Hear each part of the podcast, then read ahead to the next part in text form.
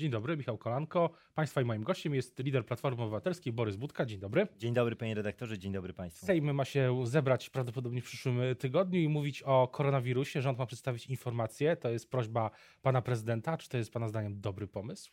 No przede wszystkim jeszcze kilka dni temu, gdy taki punkt znalazł się w obradach Senatu, to PiS robił wszystko, żeby tej informacji nie podawać i nie widział takiej potrzeby. Po drugie, ja wolałbym, żeby rząd po prostu zaczął działać. Proszę zobaczyć, jak wyglądają nasze lotniska, jak wyglądają nasze dworce i porównać to z tym, co dzieje się w Europie.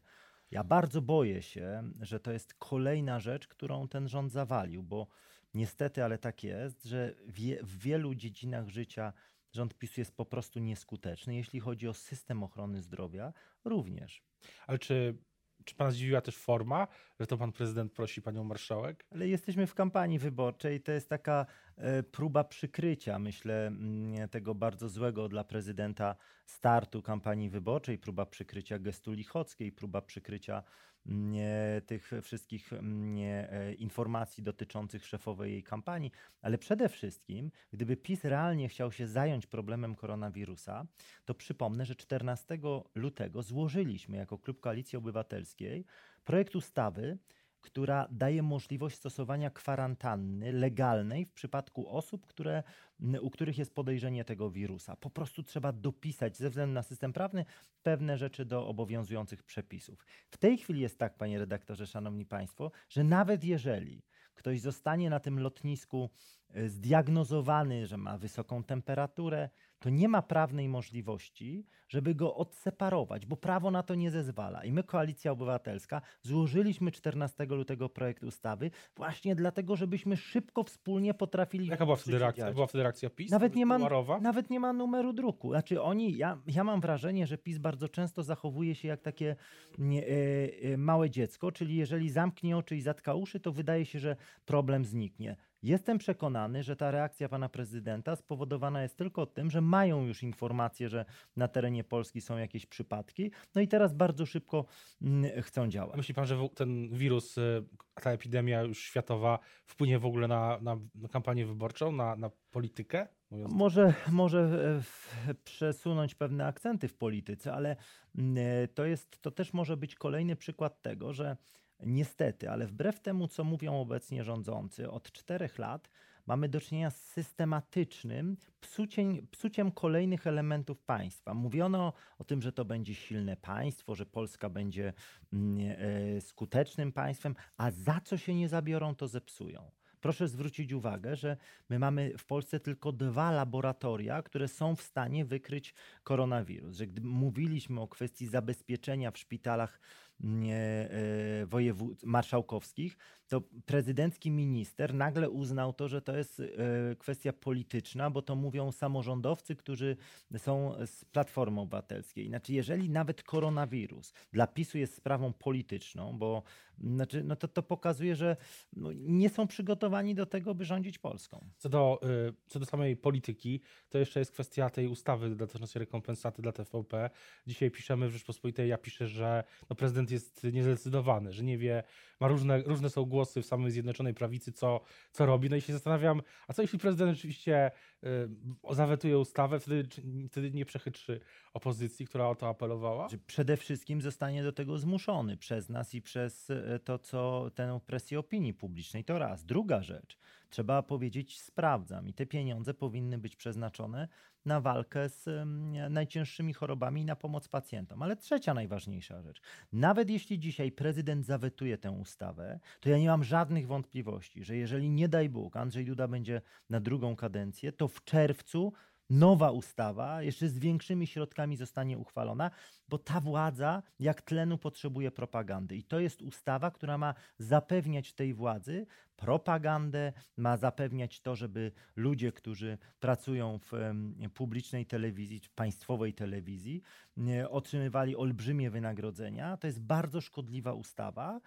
I tylko zmiana prezydenta da gwarancję, że nigdy więcej taki pomysł nie powróci. Skoro już o zmianie prezydenta mowa, to jak pan odbiera te słowa prezesa PiS Jarosława Kaczyńskiego, który w niedawnym wywiadzie dla Gazety Polskiej mówi, że, że jesteśmy w stanie rządzić bez prezydenta, to będzie trudniejsze, ale damy, damy radę. Taki jest, nie cytuję dosłownie, bo, ale taki jest mniej więcej przesłanie. Znaczy, Jarosław Kaczyński wie doskonale, jakie są badania, jakie są trendy. Można się z nim nie zgadzać, yy, nie lubić, czy, czy być w wielkim sporze politycznym, ale jednak jakieś wyczucie polityczne ma i on widzi doskonale to, jak yy, prezydent jest oceniany, do czego PiS doprowadził przez te ponad 4 lata swoich rządów. O ile udało im się dzięki systemowi Donta utrzymać większość w Sejmie, to już nie dostali większości głosów. Wybory prezydenckie e, w drugiej turze oznaczają konieczność zebrania 50% plus jeden głos.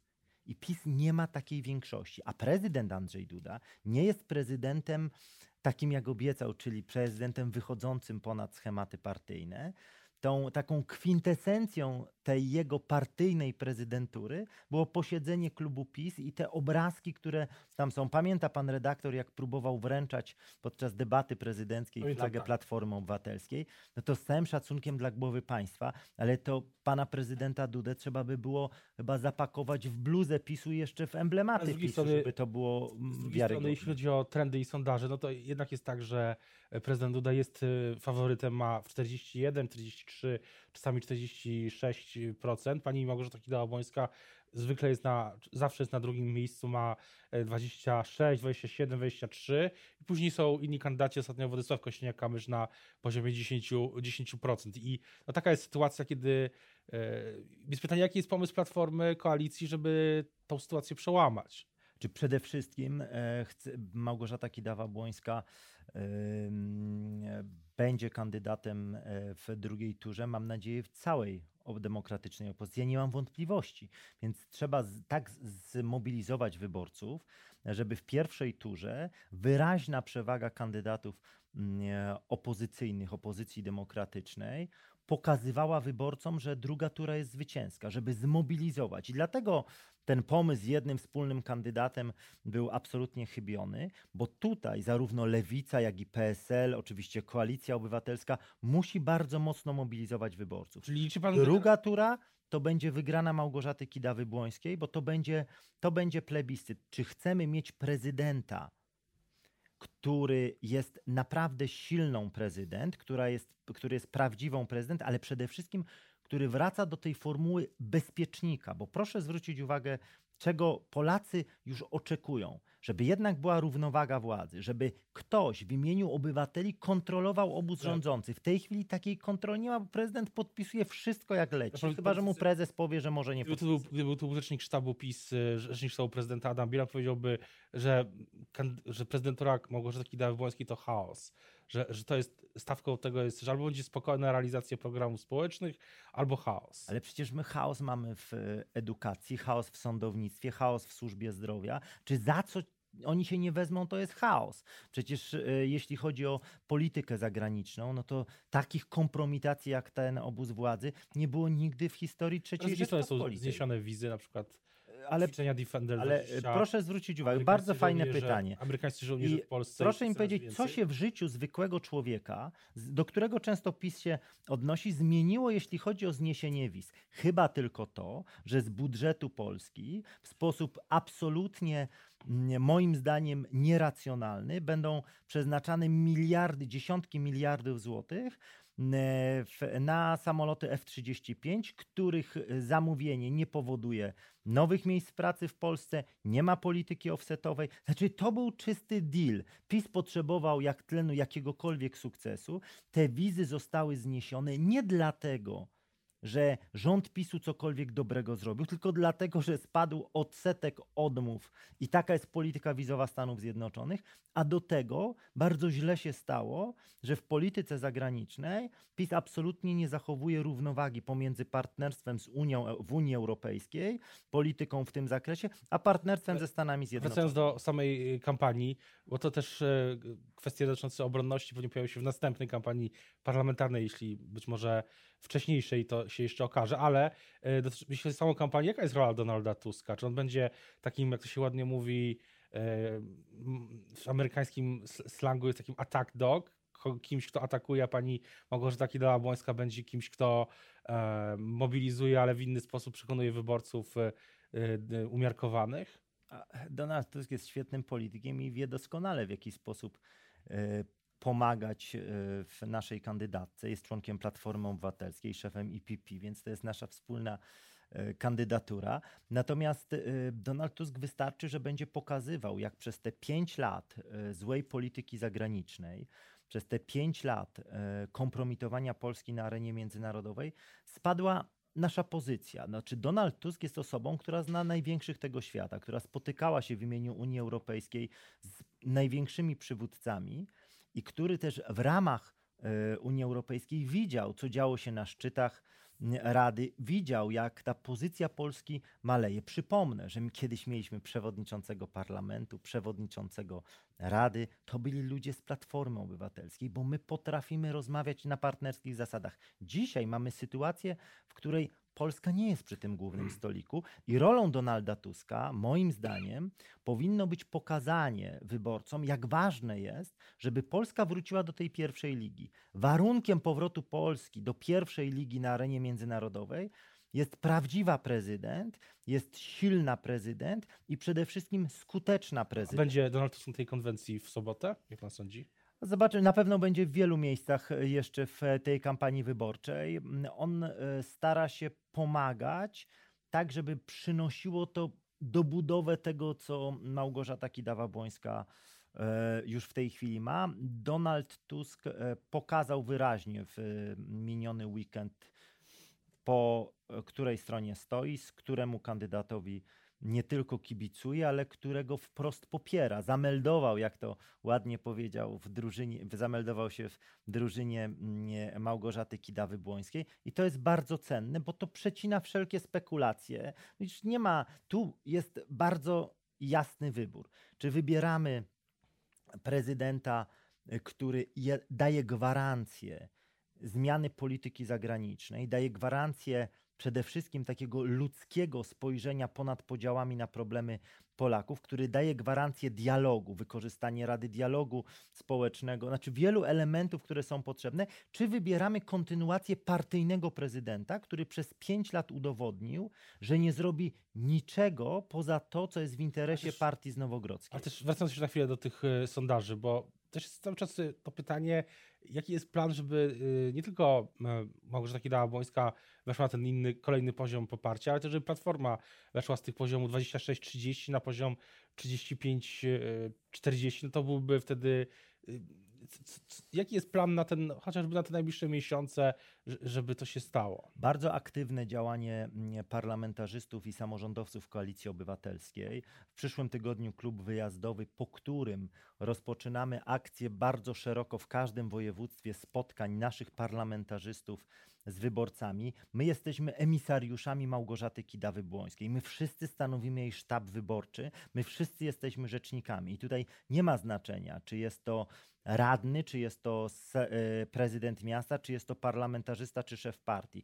Wszyscy pracujemy dla Małgorzaty Kidawy-Błońskiej. Bezpośredni kontakt w Polsce powiatowej, w małych miasteczkach, to jest ta droga, żeby przywrócić, żeby jeszcze podnieść to poparcie zarówno dla kandydatki, jak i dla Polski koalicji. Powiatowej, to pamiętam jak mówił pan, czy w ogóle Polski w ten, e, poza dużymi miastami, mówił pan, pamiętam na pierwszej konferencji po tych wcześniej jeszcze nieoficjalnych wynikach, że będzie 100 sztabów e, okręgowych e, koalicji w, w, Polsce i one się już utworzyły? Nawet jest ich więcej, bo to ja zostawiłem to decyzji regionów, decyzji zarządów regionów, bo ja jestem wielkim przeciwnikiem takiego centralistycznego planowania. E, jest 16 sztabów regionalnych, a później z tego co wiem nawet więcej niż 100, bo to zależy od specyfiki. Ja mówiłem o 100 w podziałach na okręgi senackie, ale w niektórych miejscach te okręgi są na tyle duże, że jeszcze je dzielimy na konkretne miasta czy też e, powiaty. Więc tutaj nie jestem w stanie odpowiedzieć na to pytanie, natomiast ta aktywność jest bardzo duża. Co więcej, my tworzymy również ten sztab społeczny.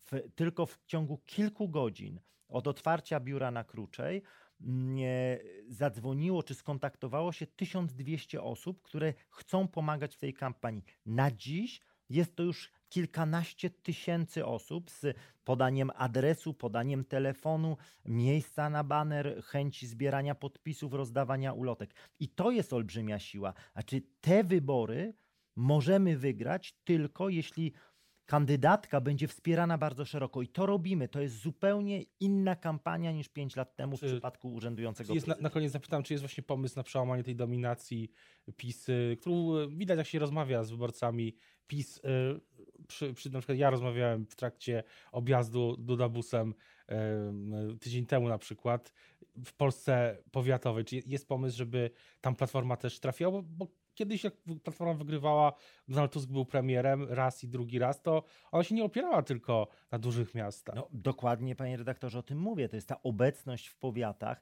ale też pokazywanie, jak wiele rzeczy, które mogły być zrobione, nie są robione. No, dzisiaj przychodzi informacja, że mm, e, rząd chce podnieść opłatę paliwową o 12%. Znaczy, to jest kolejne sięganie do kieszeni i to nie ma znaczenia, czy to jest wyborca w dużym mieście, czy jest to wyborca powiatowy.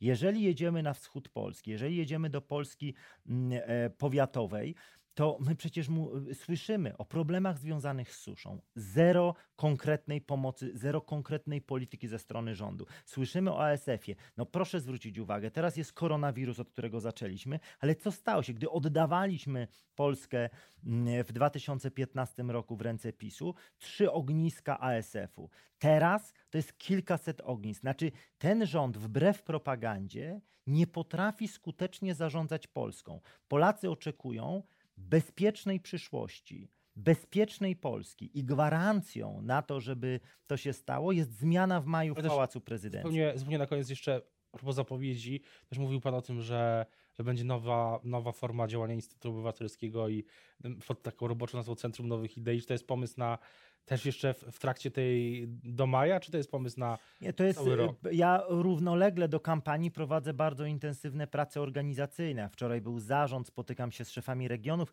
ale przede wszystkim y, biuro krajowe mm, z podziałami segmentów odpowiedzialności, ośrodek badawczy. Dzisiaj widzę się z posłanką Muchą, rozmawiamy właśnie o Centrum Nowych Idei. To wszystko jest równolegle robione, ale najważniejszym celem w tej chwili jest, wygrana Małgorzaty Kidawy-Błońskiej. Całe zło, tak jak mówię, w Polsce zaczęło się w 2015 roku od Pałacu Prezydenckiego i to dobro, które może się zacząć, mówiąc biblijnie, może zacząć się i zacznie od Pałacu Prezydenckiego, więc to jest główny Nie, na cel. koniec wspomniał Pan w trakcie naszej rozmowy o tej drugiej turze, że będzie poparcie, czy liczy Pan na poparcie wszystkich kandydatów demokratycznej opozycji poza dla kandydata w drugiej lub kandydatki w drugiej turze?